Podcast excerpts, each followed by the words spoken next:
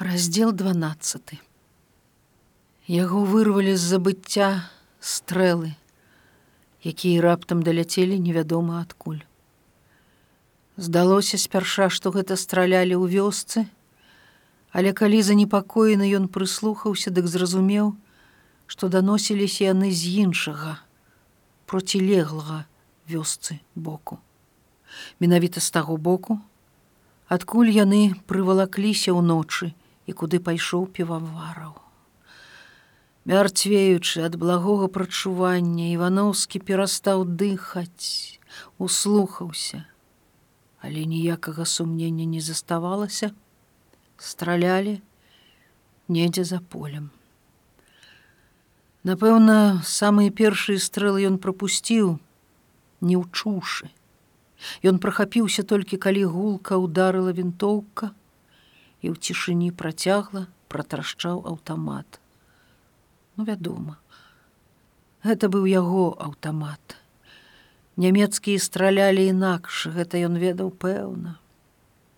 Івановскі падхапіўся на локаць, але ў грудях у яго штосьці сціснулася, ад болю заняло дыхання, Ён закашляўся, выплюнуў згусцелы крывяны ком і зноў без сілы аблёгся на лаўку пакуль ён кашляў здаецца ўсё там скончылася. І колькі ён не ўслухоўваўся потым нічога ўжо больш не пачуў. Ледзьве утаймоўваючы хваляванне лейтенант намацаў ля лаўкі гадзіннік было сорок хвілін на восьмую. Значыць півавараў адсутнічаў каля дзвюх з паловай гадзін калі да той вёскі толькі адзін кіламетр няхай два. Дык ён павінен быў ужо вярнуцца. Але калі не вярнуўся значыць значыць ён прабраўся ў вёску. Але мабыць няўдала. І яго спасціг той самы лёс што і учора івановскага. Лейтенант зноў прыўзняўся на локці услухаўся паспрабаваў зазірнуць у трошкі яшчэ светлаватае акенца, але не дапяўся да яго і сеў на лаўцы. Яму было моташна, блага. Вогнена-чырвоныя плямы плылі ў вачах. Рукой ён намацаў на дзіва цяжкую вінтоўку, але навошта цяпер была тая вінтоўка. У лазні яго пакуль ніхто не трывожыў паблізу быццам не было нікога. Наўрад ці ён мог што зрабіць каб аблегчыць лёс піваварава які яўна трапіў у бяду але нічога не рабіць ён таксама не мог. З вялізнай натугай увесь час лапаючы па сценах руками ён выйшаў у прылазнік і штурхнуў ногой дзверы. Была зімовая ноч як усе ночы ў лістападзе гэтага года з ветрам, нізкім захмараным небам, шэрым завалочаным цемрай прасторам, але снег ляжаў свежы і чысты, і ў ім выразна было відаць некалькі глыбокіх слядоў піваварава, якія ішлі паўз сцяну лазні і паварочвалі за вугал. Задыхаючыся ад налётаў парывістага ветру, Івановскі хвіліну шчакаў, услухаўся у глухую ціш ночы. Ні стрэлаў, ні крокаў, ні крыку, нічога не было больш чуваць. Тады, не зачыніўшы дзвярэй, ён апусціўся каля парога, прыхіліўся плячом да сцяны і сядзеў так гадзіну, а можа і больш. Ён увесь быў ва ўладзе шчымлівага, хваравіта напружанага чакання, выразна ўсведамляючы, што калі півавараў у бліжэйшыя хвіліны не прыйдзе, то ён не прыйдзе ніколі. Але ён не прыйшоў ні ў бліжэйшыя хвіліны, ні ў наступныя затым гадзіны. Калі ўжо чакаць не стала цярпення, Івановскі, не ўстаючы, на кукішках, дапяўся да кубіка свайго гадзіннічка за парогам. Было без десяти хвілін 10. Адсутнасць байца на працягу гэткага часу не абяцала нічога добрага. Нашто я паслаў яго? Нашто паслаў? Дакараў сябе лейтенант. Якія тут лыжы? Які штаб? Толькі загубіў яго, ды да сябе таксама. Безумоўна, без піваварава ён нічога ўжо не мог, Але калі ён сам быў асуджаны на пагібель, дык трэба было падумаць, каб выратаваць хоць байца. А ён паслаў яго на такую справу, дзе на ўдачу прыпадае адзін шанец тысячы. Немцы маглі зрабіць засаду, пасадзіць у полі сакрэты і, напэўна, узмацнілі ахову ў вёсцы. Не так проста было пралезці да штаба. Калі гэта, не ўдалося яму мінулую ноччу. Калі штабісты былі яшчэ не палоханы, дык як магло ўдасца цяпер. Ну, а што ж далей? Што? Тысячны раз пытаўся ў сябе Івановскі, седзячы ля дзвярэй лазні. Зрэшты, ён ужо ведаў, што Ён толькі марудзіў да апошняй магчымасці, спадзяючыся, што півавару можа яшчэ вернецца. Але калі стала ўжо відавочна, што чакаць далей марна, лейтенант, хапаючыся за сцены, устаў на ногі. Ён выпрабоўваў сябе, каб ведаць, нашто яшчэ здольны або можа не здольны ўжо ні на што.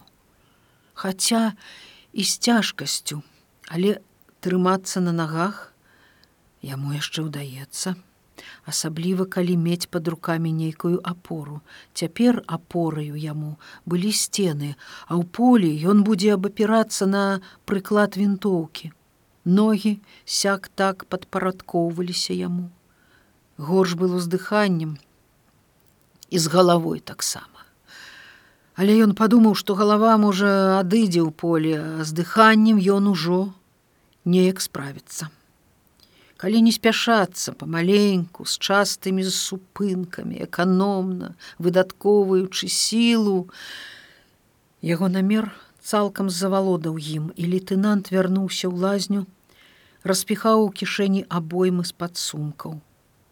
Рэчмяшок, Ён не асіліў падняць і пакінуў на лаўцы, затое ён узяў з сабой гранату. Далей ён ужо не мог заставацца тут ні хвіліны і, перабіраючы па сценах рукамі, выйшаў на двор.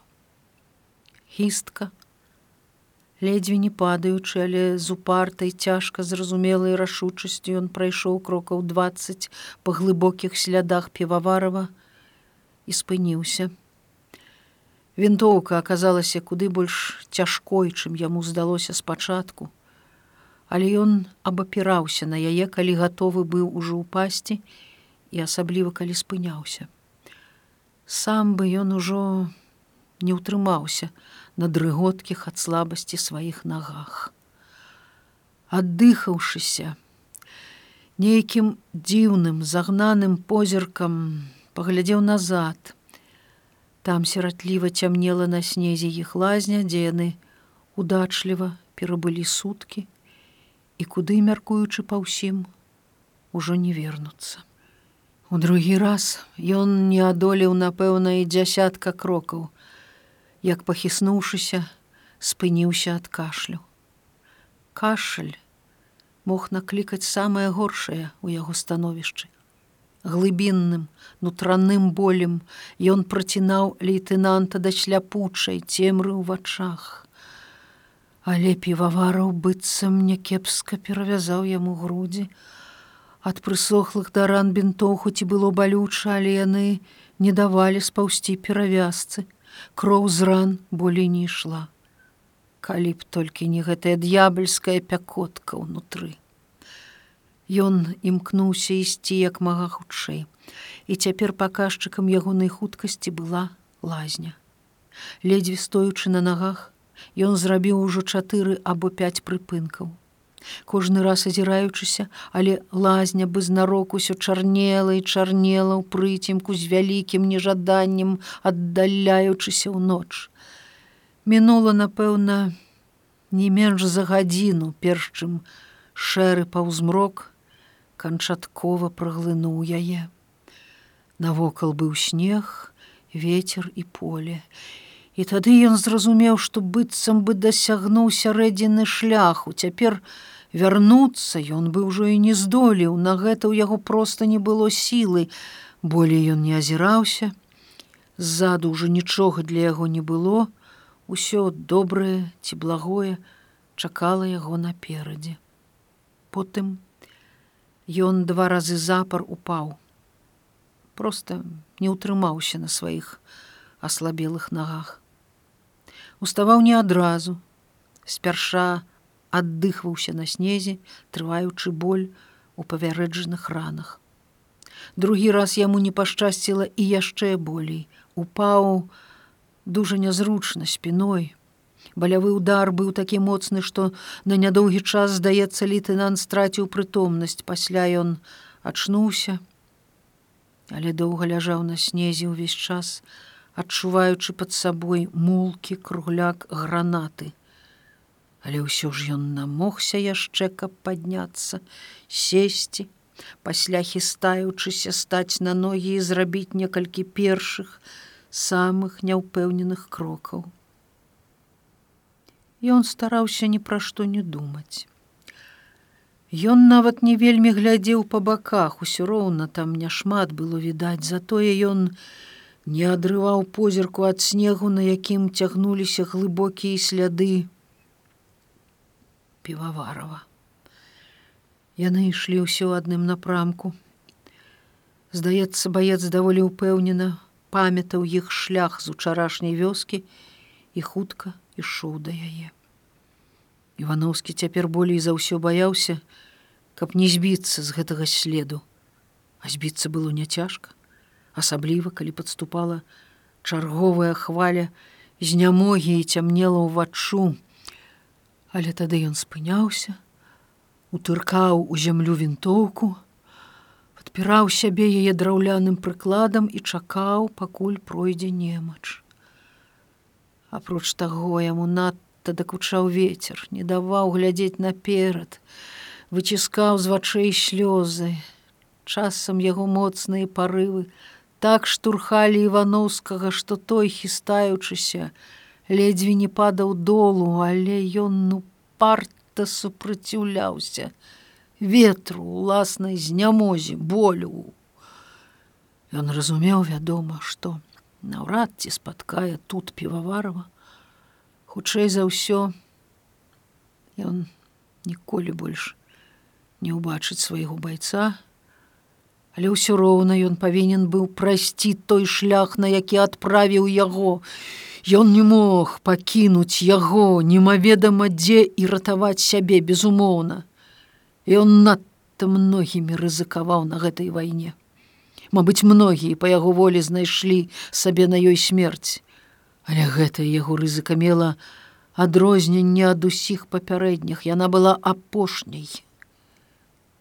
І таму Івановскі павінен дайсці до конца. Калі ў гэтай д'ябальскай сутычцы са смерцю ён не збярог многіх, дык ён не бярух і сябе. І толькі гэта апраўдвала яго камандзірскае права распараджацца жыццямі іншых. Інакшага права на вайне ён не хацеў прызнаваць. У горшым выпадку перш чым загінуць самому, Ён павінен пераканацца, што дзе-небудзь у гэтым полі не сцякае крывёй яго піваварчык. І ён ішоў, хістка расслаблена, раз за разам спыняючыся і абапіраючыся на цяжкую і доўгую вінтоўку піваварова. Аднойчы, калі ад стомы падкасіліся ногі, сеў на снезе, доўга адпачываў але каб падняцца потым яму давялося патраціць столькі яго мізэрнай сілы што болей ён не садзіўся і аддыхваўся, абапёршыся на прыклад вінтоўкі. Спыняўся ён цяпер праз кожныя чатыры або пяць крокаў на болі, у яго ўжо не хапала дыхання. Яму зноў здалося, што ён прайшоў кіламетры два не менш, і ён усумніўся ў правільнасці слоў піваварова адносна адлегласці да гэтай вёскі. Цяжка было паверыць, што яна была за два-тры кіламетры ад іх лазні. Шкада, у гэты раз ён не ўзяў з сабою гадзінніка. Не мог вызначыць часу, але па нейкіх няўлоўных прыкметах яму здалося, што вёска недалёка, Магчыма, ён быў ужо ля яе ваколіцы. Сляды піваварова, аднак усё цягнуліся і цягнуліся з прыцімак, здавалася, ім не будзе канца ў гэтым полі. Дзе цяпер мог быць сам баец. Цяжка было ўгадаць, хоць Івановскі быў гатовы да самага горшага але магло стацца і так, што той, як і яны учора, уцёк ад пагоні і дзе-небудзь паранены ляжыць у поле. Івановскі ледзьве не прайшоў паўз яго. Бо сляды на снезе ўсё кудысьці вялі, наперадзе нічога не было відаць, але раптам крыху баку у мутным цемрыве ночы сярод замеценага снегам быльнягу яго ўвагу прыцягнуў да сябе нейкі невыразны рух. Спярша ён і не паглядзеў туды толькі матлянуў позіркам. Але тут жа спыніўся угледзеўся і штосьці ў ім роспачна здрыганулася ўнутры. Ціха амаль бязгучна на ветры. Матлялася нешта падобнае на шматок паперы, хоць адкуль тут магла ўзяцца папера. Ён збочыў са слядоў піваварова і не ў стане адарваць позірку ад недалёкай быльняговыя грыўкі, заплятаючыся ў снезе нагамі павалокся туды. Яшчэ зводдалі неяк раптам ён згледзеў белы невыразны бугорчык, у тым быльнягу. Характэрную лінію чалавечага цела, чорныя халявы ботаў у снезе. І ён спыніўся. У галаве яго мільганула дзіўнае недаўменне, хто мог ляжаць тут, у начным полі на сцюжы лейтенант проста не адважыўся звязаць у думках тое, што ўбачыў з яго піваваравым. Напэўна, вельмі недарэчна было бачыць у гэтай позе байца. Здавалася, гэта нехта другі, выпадковы, чужы тут чалавек. Але ўсё ж гэта быў ён. Яго апошні баец. Яго півавараў. Ён нерухома ляжаў у разадраным сваім маск-халаце, без шапки, з абсыпанай снегам стрыжанай галавой, раскінутымі нагамі. Лейтенант не адразу заўважыў, што снег вакол быў густа патаптаны мноствам чужых ног, і ў ім дзе-нідзе чарнелі маленькія круглячкі аўтаматных гільзаў.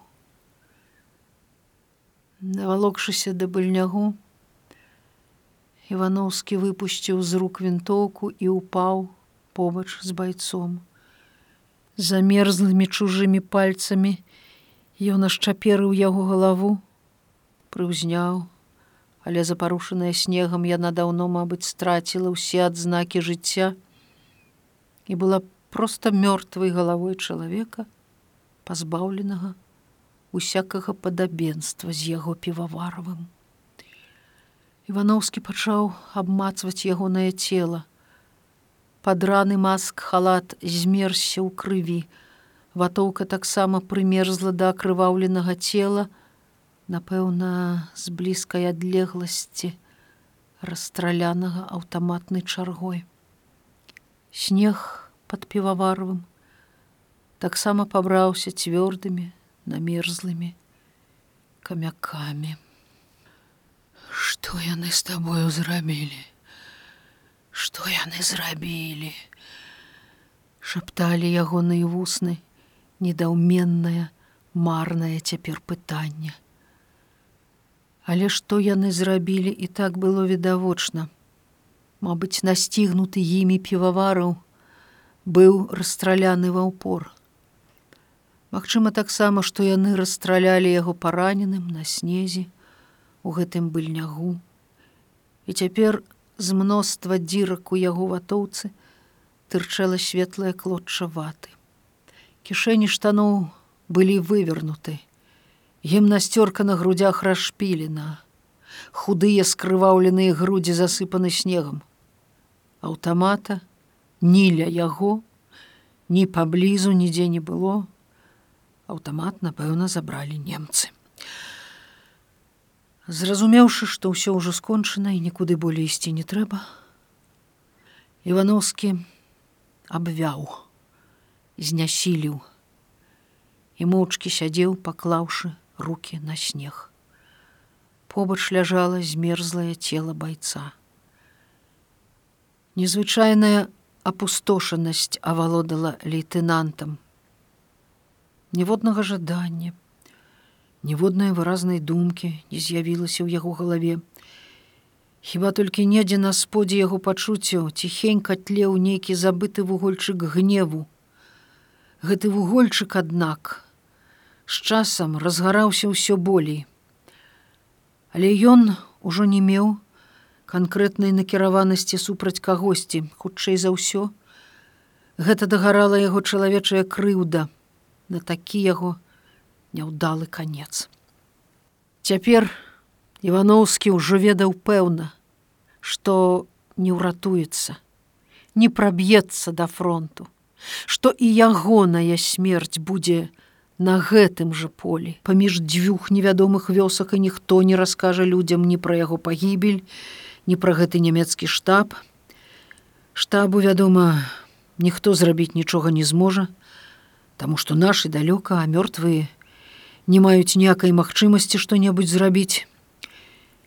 І яму нічога не заставалася болей, як сядзець і чакаць, калі мароз і ранення адбяруць у яго апошнія рэшткі жыцця. Чымсьці гэта было нават зманліва, бо вызваляла ад знясіліваючай барацьбы з немцамі, болем, сабой. Каб скончыць усё найхутчэй варта было выцягнуць чаку супраць танкавай яго гранаты і адпусціць планку. Яе моцны выбух разарве на шматкі іхнія целы, размяце вакол снег, вырые ў зямлі невялікую ямку варонку, якая і стане іх навечнай магілай. Калі яго фінал задоўжыцца або акажацца нестрываны, відаць, так і прыйдзецца зрабіць. Іншага ўжо не аставалася. Няхай, Яму даруе радзіма, людзі, не яго віна, што не выпала яму лепшай долі, і не абышло яго тое самае страшнае на вайне, пасля чаго нічога больш не бывае. Напэўна, ён бы неўзабаве і адубеў на марозным ветры. І назаўжды застаўся б каля свайго напарніка, калі б у хуткім часе да яго слыху не данесліся з ветранай цішыні дзіўныя гукі. Магчыма, слых быў самым вынослівым з ягоных пачуццяў і дзейнічаў да апошняй мяжы жыцця. Менавіта слых болей за ўсё звязваў яго з навакольным светам. Спярша Івановскі падумаў, што яму здалося але услухаўшыся ён адагнаў ад сябе ўсе сумненні на самай справе дзесьці вурчэла машына. Ён успомніў як недзе мінулай ноччу ў поле яны напаткалі дарогу якая іх прывяла ў вёску. Але дзе яна магла быць цяпер тая дарога ён не меў уяўлення. Тым не менш дзесьці яна была. Зусім непоалёку начной шэрай цемры па ёй ішла машина Лейтенант прыўзняў голаў і доўга напружана слухаў натужны маторны гул, пакуль гэты гул зусім не прапаў удалечы. Гэта нечаканая падзея растрывожыла ягоную амаль ужо супакоеную свядомасць. Новае супярэчлівае жаданне нарадзілася ў яго душы. Ён перастаў думаць пра сваё няшчасце, увесь насцярожыўся, гнеўная яго роспач паступова увасобілася ў мэту апошнюю мэту яго жыцця, якой ён не мог занядбаць. Эх, калі б гэта адбылося раней. Калі ў яго было трохі болей сілы, Баючыся спазніцца, ён заварушыўся на снезе, падцягнуў пад сябе параненую нагу, неяк абапёрся на руки.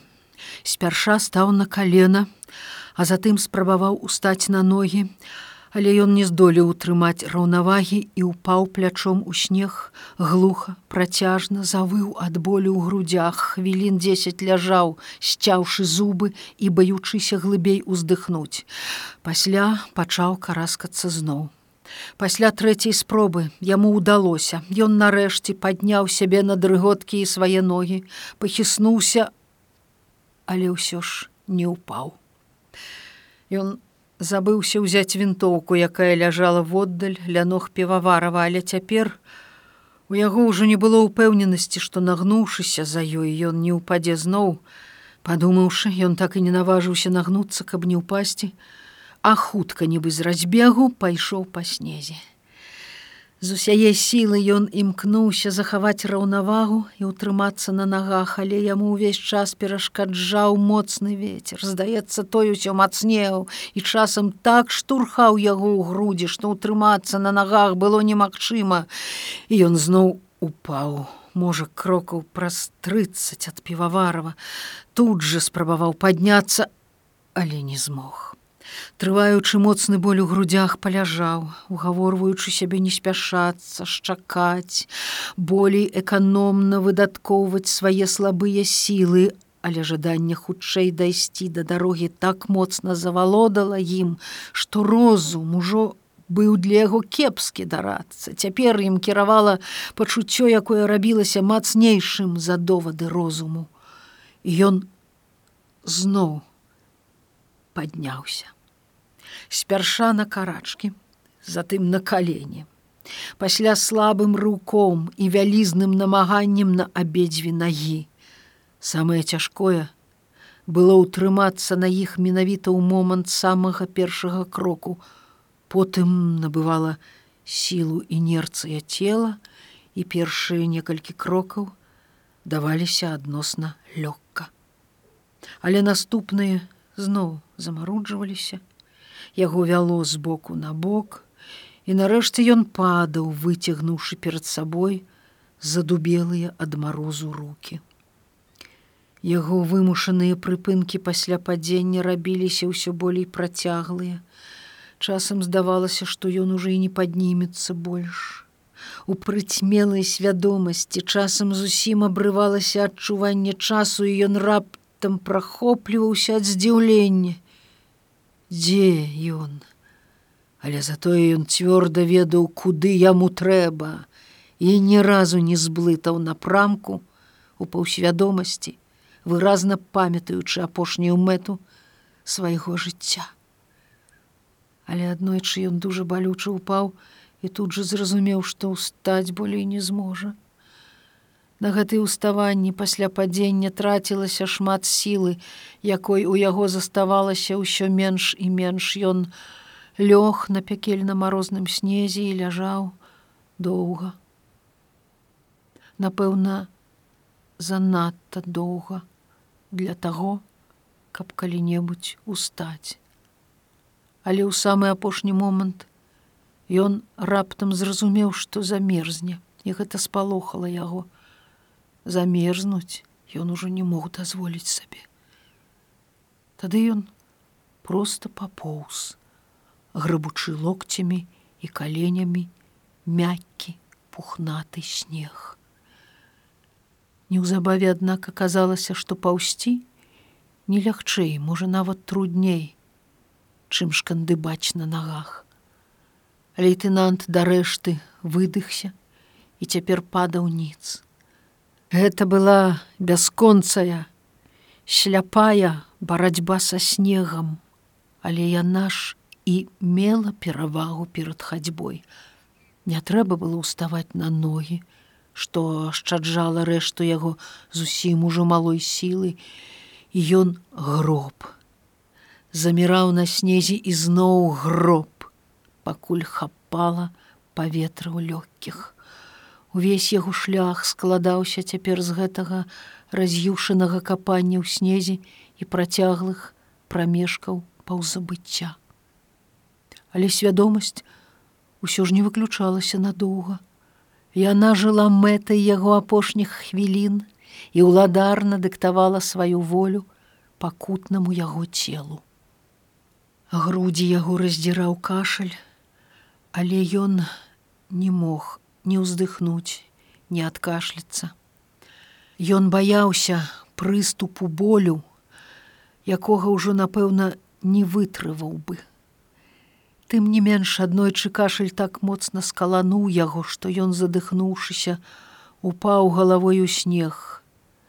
Калі ён неяк адкашляўся, дык адчуў на вуснах штось саланавата цёплае, Ён сплюнуў, і выразна ўбачыў на снезе кроў. На мерзлым рукавом маск халата выцер падбародак, зноў сплюнуў, але кроў усё ішла. На снег з падбародка цёк цёмны, няхуткі струменьчык. Зусім ужо знясілены лейтенант ляжаў на баку, разгублена адчуваючы, як памалу пакідае яго жыццё. Аднак паляжаўшы так, Ён зноў спалохаўся набліжэнне найгоршага, хоць і ведаў, што калі-небудзь гэта павінна здарыцца. Але цяпер яго болей займала пытанне, дзе тая дарога. Яму трэба было паспець дабрацца да яе раней, чым яго нападкае смерць, уся яго барацьба. На гэтым полі па сутнасці была змаганнем са смерцю, хто абгоніць каго. Мабыць, цяпер яна дагнала яго і ішла па пятах, чакаючы моманту, каб ударыць напэўна. Але не чорт з ёю з крывёй, можа уся не выцеча. Ён адчуваў, штосьці ў ім яшчэ заставалася, калі не сіла, дык можа рашучасць. Ён праляжаў паўгадзіны, жуючы і глытаючы снег, каб спыніць кроў, як быццам спыніў яе ад сцюжы крывіла сківіцы, адзірвянела ўсё ў роце, але саланаватасць на вуснах знікла. Тады ён памалу спыняючыся, папоўз далей, цягнучы поруч на поясе адзіную сваю гранату. Калі са снегавога паўзмроку перад ім выніклі шызыя сілуэты бяроз, Ён зразумеў, што гэта дарога і што ён нарэшце дапоўз да яе. Вялікае напружанне амаль усёй ночы разам апала, у вачах яго памутнела, Ён аблёг прастрэленымі грудзьмі на снег у пракапанай ім баразне і заціх, страціўшы прытомнасць.